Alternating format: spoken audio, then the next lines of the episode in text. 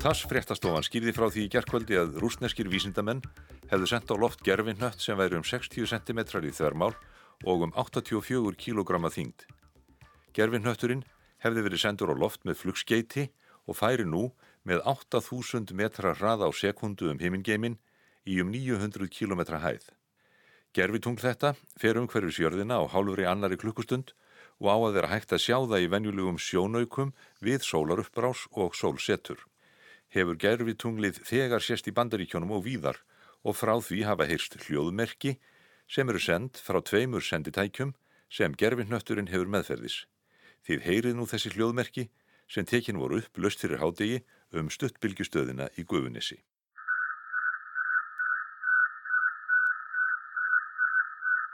Þannig hljómaði fyrsta frétt í ríkisútverfinu í hádeginu þann 5. oktober árið 1957. Sovjetmenn höfðu sigrað bandaríkjumenn í kapplöpunu um að koma fyrsta manngerða hlutnum, gerfitunglunu Sputnik 1 á braut um jörðina. Sovjetmenn voru komin með yfirhöndina í geimkapplöpunu. Þetta var stórkoslegt vísendalegt afreg, afragstur vinnu vísendamanns sem enginn vissi nokkur einustu deili á, nema allra nánustu samstarfsmenn hans og menn í instarhing Sovjerska ríkisins. Hínum megin tjálsins hafði jafningi þessa dularfulla sovjerska vísendamanns sömu drauma. Báðir voru knúnir áfram af óseðjandi þrá til að ferðast út í geimin og alla leið til tunglsins. Og báðir ætluð sér að verða fyrstir þangað. Sagan á baku fyrsta gerfitunglið hefst rúmum áratug fyrr, nánatiltekið undir lok setni heimstyraldarinnar. Þegar bandamenn og sovjetmenn sóttu á þjóðverjum úr vestri og austri og Adolf Hitler eigði ósegur skipaði hann fyrir um nótgun á nýju leinivopni þjóðverja. Leinivopnið hétt Vergeltungs Waffe 2, Hemdarvop 2 eða Waff 2 en það var flugskeiti eða eldflög, svo upplögasta sem mannkynnið hafði nokkuð tíman séð. Eldflögin vóf 12,5 tonn, var 14 metrar á lengd og gætt borið 1 tonna sprengjót. Flögin náði mest fjórföldum hljóðhraða og komst næstum því allarleið út í geiminn. Það tók hana aðeins 6 mínútur að ferðast frá Belgiu til Lunduna þar sem hún sprakk með tilherrandi tjóni og mannfalli. Eldflögar voru ekki beinlinis nýjar á nálinni þótt fyrst hafi hernaðilegt mikilvægi þeirra og geriðingamáttur komið í ljós í setni heimstyrjöldinni. Fyrstu eldflögunar, eða rakettunar, voru fundnar upp af kynverjum sem nótuðu þær sem vopn í styrjöld við Mongóla árið 1232. Rakettunar voru frumstæðar og notast var við bissupúður til að hraða fljóskeitum. Síðar barst uppfinningin til Evrópu með Gengis Khan þegar mongólar lögðu undir sér hluta af Rúslandi og austur og mið Evrópu. Mongólar höfðu tekið tæknina feginsendi frá kynverjum. Fremur lítil framþróun var í eldflóðatekni þar til um og eftir aldamóti 1900. Þá hófu vísindamenn að velta fyrir sér möguleikunum á ferðalögum til tunglsins og reykistjörnana og sóttu innblástur í vísindaskáldsögur rithöfunda eins og Jules Verne og H.G. Wells. Menn sá fljótt að eldflugar voru leikillina því að gera langþarðan draum manna um gemferðir að veruleika. Í upphafi 20. aldar vann rúsin Konstantin Tjólkovski að eðlisfræðinni á bakvið eldflugaskott og því sama gerði frakkin Robert Esnól Pelteri. Vangaveltur þeirra aukar ansókna á tilröna Robert Skottarts í bandaríkunum með fljótandi eldsneiti og fræðilegir útreikningar Hermanns Óberts í Rúmeníu lögðu grunninn að eldflögatekni nútímans. Um svipa leiti og nazistaflokkurinn komst til valda í Þýskalandi vann ungur þjóðveri að nafni Werner von Braun að doktorsgráðu sinni í eldflögaverkfræði við tekniháskólan í Berlín. Strax í barnæsku hafði von Braun látið sér dreyma um ferðalög til tungsins og reykistjörnuna. Húnum nægði ekki aðeins að stara í gegnum sjónuga og óskýra mynda fjarlagum reykistjörnum heldur vildi hann þjóta um heimingeimin í gameskipi og kanna lindardóma alheimsins. Fón Brán sagðist vita nákamlega hvernig sjálfum Kolumbussi leið. Hann sótti innblástur sinn til Hermanns Óberts og ákvað að helga líf sitt þessu verðuga verkefni. Nasistar fengu fljótt veður af hæfileikum Fón Bráns. Þeir freystuðu hans með miklum fjármunum til að hefja þróun á nýjum og öflugum eldflugum, en það gerðu þessir fulla grein fyrir hernaðilegu mikilvægi þeirra. Fún Brán stóðst ekki mótið. Hann sá þarna tækifari til að láta draum sínum geimferðir rætast. Árið 1938 gekk Fón Brán í nazistaflokkin eins og tryggur þegn þriðja ríkisins, ekki síst til að tryggja starfsitt í eldflöguransóknum. Hann var síðar gerður að yfirmanni í SS-veitunum. Með fjármagni frá Adolf Hitler hófust þjóðverjar með von Brán í brotti fylkingar handa við að koma upp eldflögastöð í Pínamundi við Eistrarsalt, þar sem eldflögin, sem síður var þekkt sem Vaft-2, var þróið. Í september 1944 var fyrstu Vaft-2 eldflöginu skotið á Frakland, en næstu vikur og mánuði ringdi þeim yfir Lundunni og fleiri borgir í Evrópu. Þegar sprengjuregninu slótaði, hafðu við 3000 eldflögar, drefið nokkur þúsund manns og valdið mikilli eðileggingu. Vaft 2 eldflögin allir mikilli skjelvingu en vakti um leið óttablendna aðdáin. Bæði bandaríkjumenn og sovjetmenn vildu ólmir komast yfir þetta öllu og vapp þjóðverja. Báðir aðalar fundu út að Von Braun var heilin á baku eldflögina og að rannsóknarstöð hans var í Pínamundi, þótt framleyslan og flögunum sjálfum hefði að mestu farið fram í verksmiðinni Mittelverk sem falin var djúft neðanjörðar við Mittelbá Dóra fangabúðunar um miðbygg Þískalands. Undir lok stríðsins var sótt að rannsóknustöð von Browns úr báðum áttum. Bandarækjumenn urðu hann á honum áður en hann lendi í klóm sovjetmenna. Eldflög von Browns var nefnilega fullkomin viðbót við nýjasta leinu á þeirra, kjarnokkurspringina. Nasistarni vissu að óvinna heyrir nálguðust Pínamundi en skipuðu von Braun og samstagsmönnum hans að halda kyrru fyrir og berjast til síðasta blóðdrópa. Von Braun var þó ekki á því. Hann lagði á ráðinn um að flýja og gerði hvað hann gat til að varðveita mikilvægastu skjöl sín. Hann vissi vel að ef hann óhliðnaðist skipunum nazista eða hann tekin af lífi frammi fyrir skotsveit. Fón Brán vildi hins vegast forðast sovjetmenn og ákvað að flýja söður á bóin þanga sem vaft tveir flögunar voru framleitar og hafði með sér tekningarnar sem hann var sannfarður um að myndu leiða mannkinnið til tungsins. Þegar bandamenn fundu mittelverk verksmiðina og fangabúðunar blasti við þeim hrikaleg sjón. Í verksmiðinu sjálfri voru vanærir þrælar, sumir á lífi en margir látnir. Í fangabúðunum lág rótnandi lík út um allt. Þegar fjöldagrafir voru grafnar upp, fór fjöldilátina upp í 25.000. Fleiri letust við það eitt að smíða vaft fyrir eldflöguna en letust af völdum eldflögurinnar sjálfurar. This is London calling. Here is a news flash. The German radio has just announced that Hitler is dead. I repeat that. The German radio has just announced that Hitler is dead. Þann 1. mæ árið 1945 bárust fréttir af láti Hitlers. Þá hugðust stormsveitamæðlimir framfylgja skipunum sínum og myrða von Brán og félagi hans sem þá voru flúnir og fóru huldu hefði. Dæin eftir, þegar bandamenn kom á staðin, komu von Brán og félagar úr felum og gáfust upp. Tæpum einum og hálfu mánuði setna voru þeir flutti til bandaríkina á samt nokkrum VAF-2 eldflugum. Þegar sovjetmunnum var ljóst að von Braun hafði runnið þeim um greipum, leituðu þeir að öðrum manni til að hafa umsjón með sinni eldfluga áallun. Verkfræðingur að nafni Valentín Glusko var spurður álits og mælti hann með manni sem hafi værið síðustu sex árum sem fangi í gúlaginu. Hann hétt Sergei Koroljov.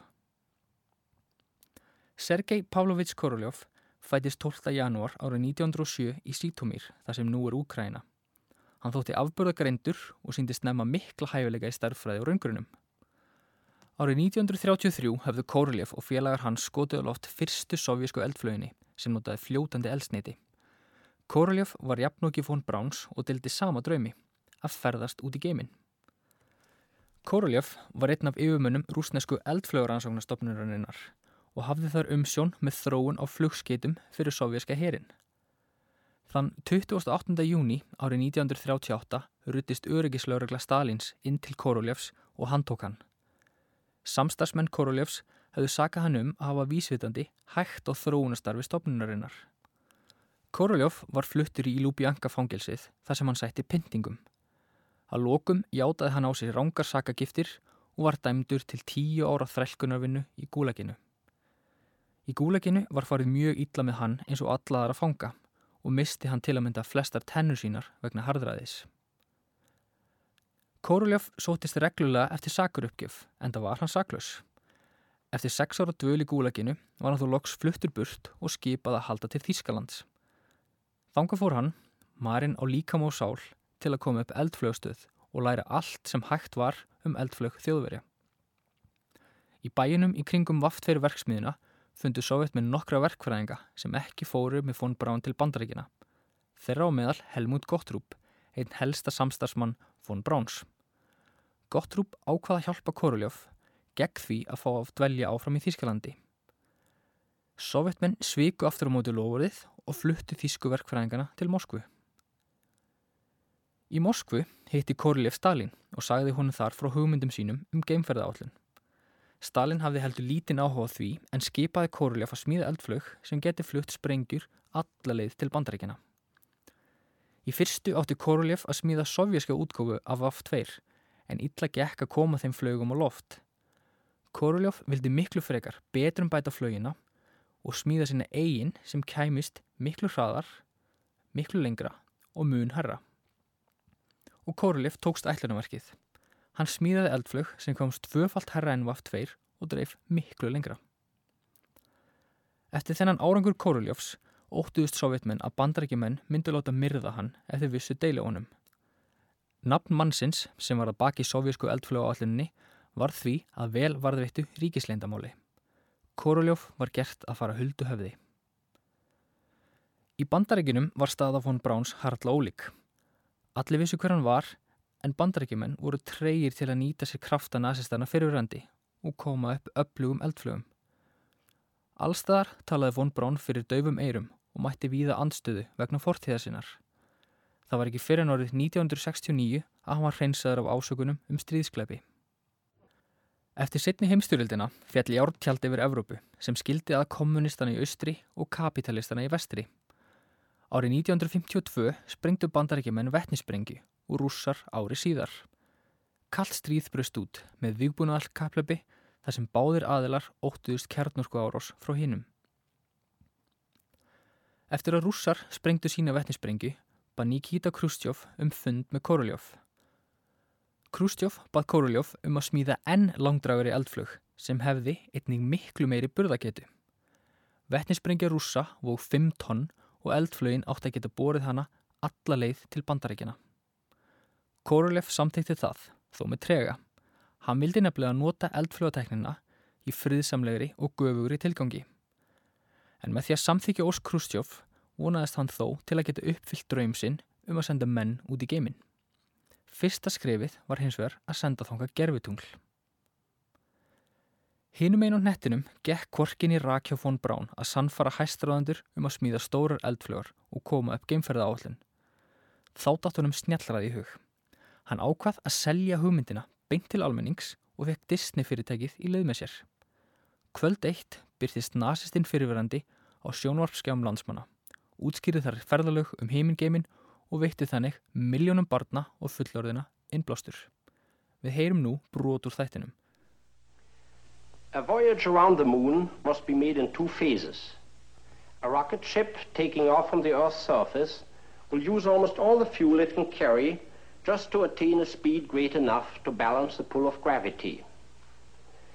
Unpowered, it will then keep circling the Earth in an orbit outside of the atmosphere.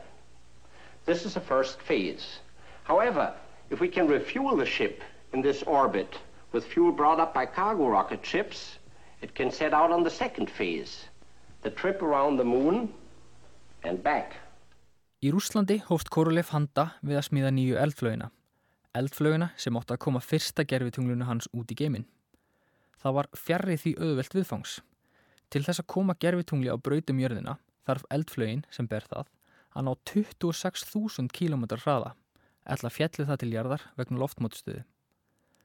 Til að leysa þetta vandamál ákvað Kóruljöf að nota byltingakenda nýjung, þrepa skipta eldflög. Á aðalflöginni átti að vera nokkrar hjálparflögar sem fjallu af eftir nótkunn. Þannig er þið aðalflögin léttari sem treyði að næstu þrep kemust herra, lengra og hraðar. Tækist hún um að smíða slíka eldflög, kemist hún út í geiminn. Á afskeittu svæði í Baikonúr í Kazakstan um 2000 km frá Moskvu settur rúsar upp skotpall fyrir hérna nýju eldflög Kóruljófs. Baikonúr var þannig fyrsta geimhöfn í erðar.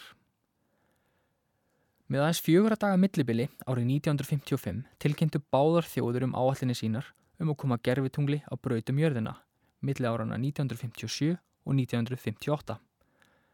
Bandarækjumenn voru fyrir til. Þann 29. júli 1955 tilkynnti James Haggerty blaðafulltrúi Eisenhower fórsetta að bandarækjumenn myndu koma litlu gerfitungla brautumjörðina einhvern tíma millir 1. júli 1957 og 31. desember 1958. Gerfitunglið átti að vera hluti að framlægi bandarækjana til alþjóðlega jarðelisfræði ársins.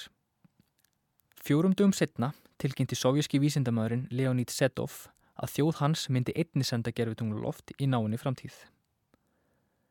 Þetta sama ár gerðist von Braun bandarísku ríkisborgari, tíu árum eftir að hann kom frá Þýskalandi. Þá loks fóru hjólin að snúast hjá honum.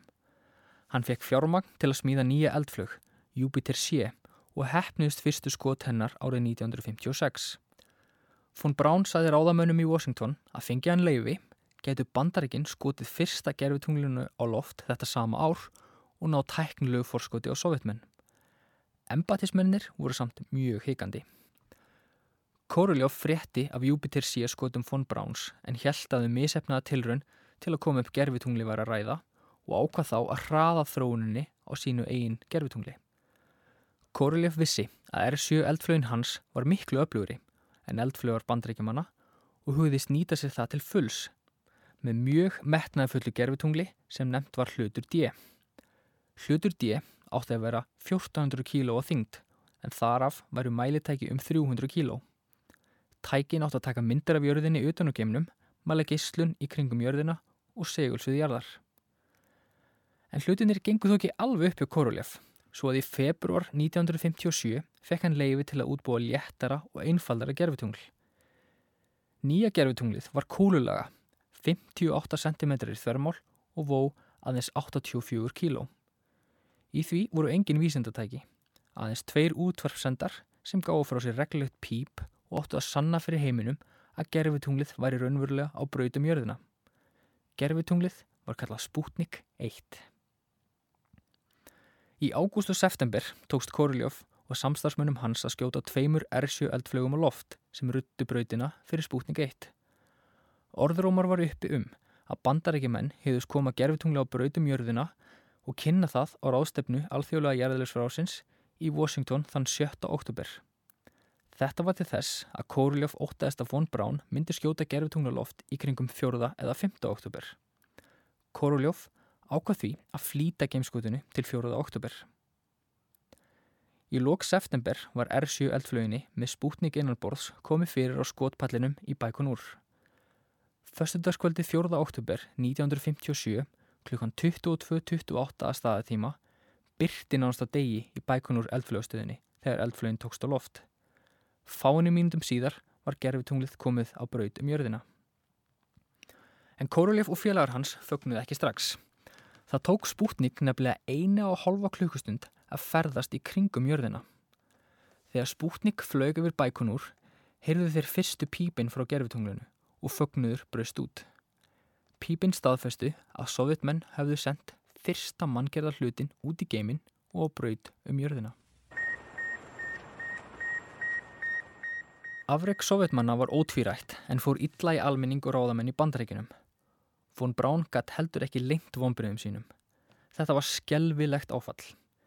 Eisenhower fórseti skipaði fyrir um að gameskoti Vanguard eldflögar sjóhersins erði flýtt fram í desember 1957. Herin tók áskoruninni og bóðiði fjölmila og almenning á Canaveralhöfða í Flórida til að fylgjast með sjónarspilinu, fyrsta gameskuti bandaríkjamanna. Niðurtalningin var sínd í beitni útsendingu um gerföld bandaríkin. Þegar vélarnar voru restar byrtist mikið bál. Eldflögun reys aðeins fáina sentimetra þegar hún fjall niður aftur og sprakk í tætlur.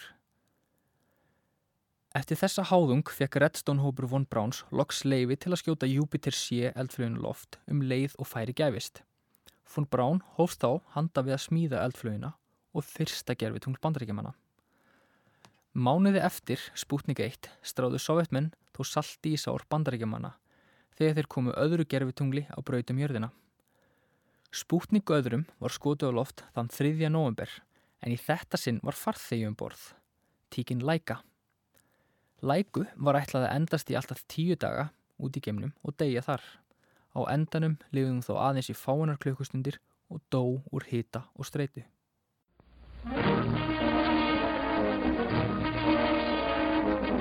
At Cape Canaveral, Florida, the Army's Jupiter C rocket is ready for America's second attempt to launch a space satellite.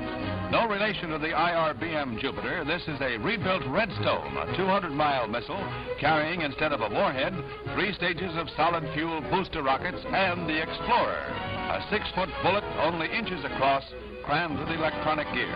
30 pounds of payload.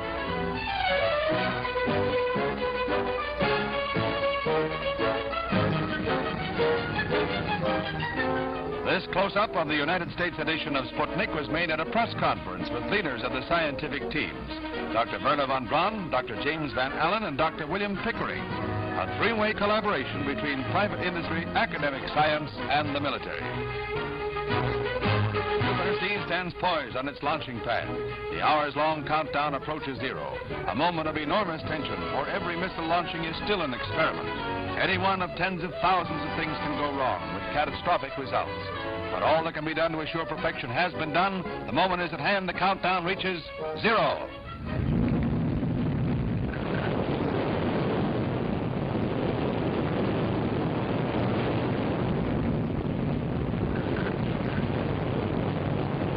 Some three minutes later, Explorer is in orbit, broadcasting to the world its coded scientific data.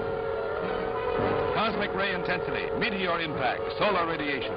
These are the dry facts that will help carry man ever farther into the age of space. Fjórum mánuðum eftir Sputnik 1 tókst von Braun að senda fyrsta gerfitungl bandaríkina út í geiminn. Þann 31. janúar 1958 flutti Redstone eldflug Explorer 1 gerfitunglið á brautum jörðina. Explorer 1 vóaðins 4,8 kíló en inni held tvö mælitæki sem skiluði vísendunum gögnum og líkt Sputnik. Gerfitunglið flög í gegnum gistunabelti sem umleika jörðina og stjórnufræðingurinn James Van Allen spáði fyrirum. Eftir þessar fyrstu geimferði bandaríkjamanna og sovjetmanna var geimkaplubið hafið fyrir alvöru. En Korolev og von Braun átti sér mun stærri drauma. Þeir vildi senda menn til tunglsins, en fyrst var það að koma mönnum út í geiminn.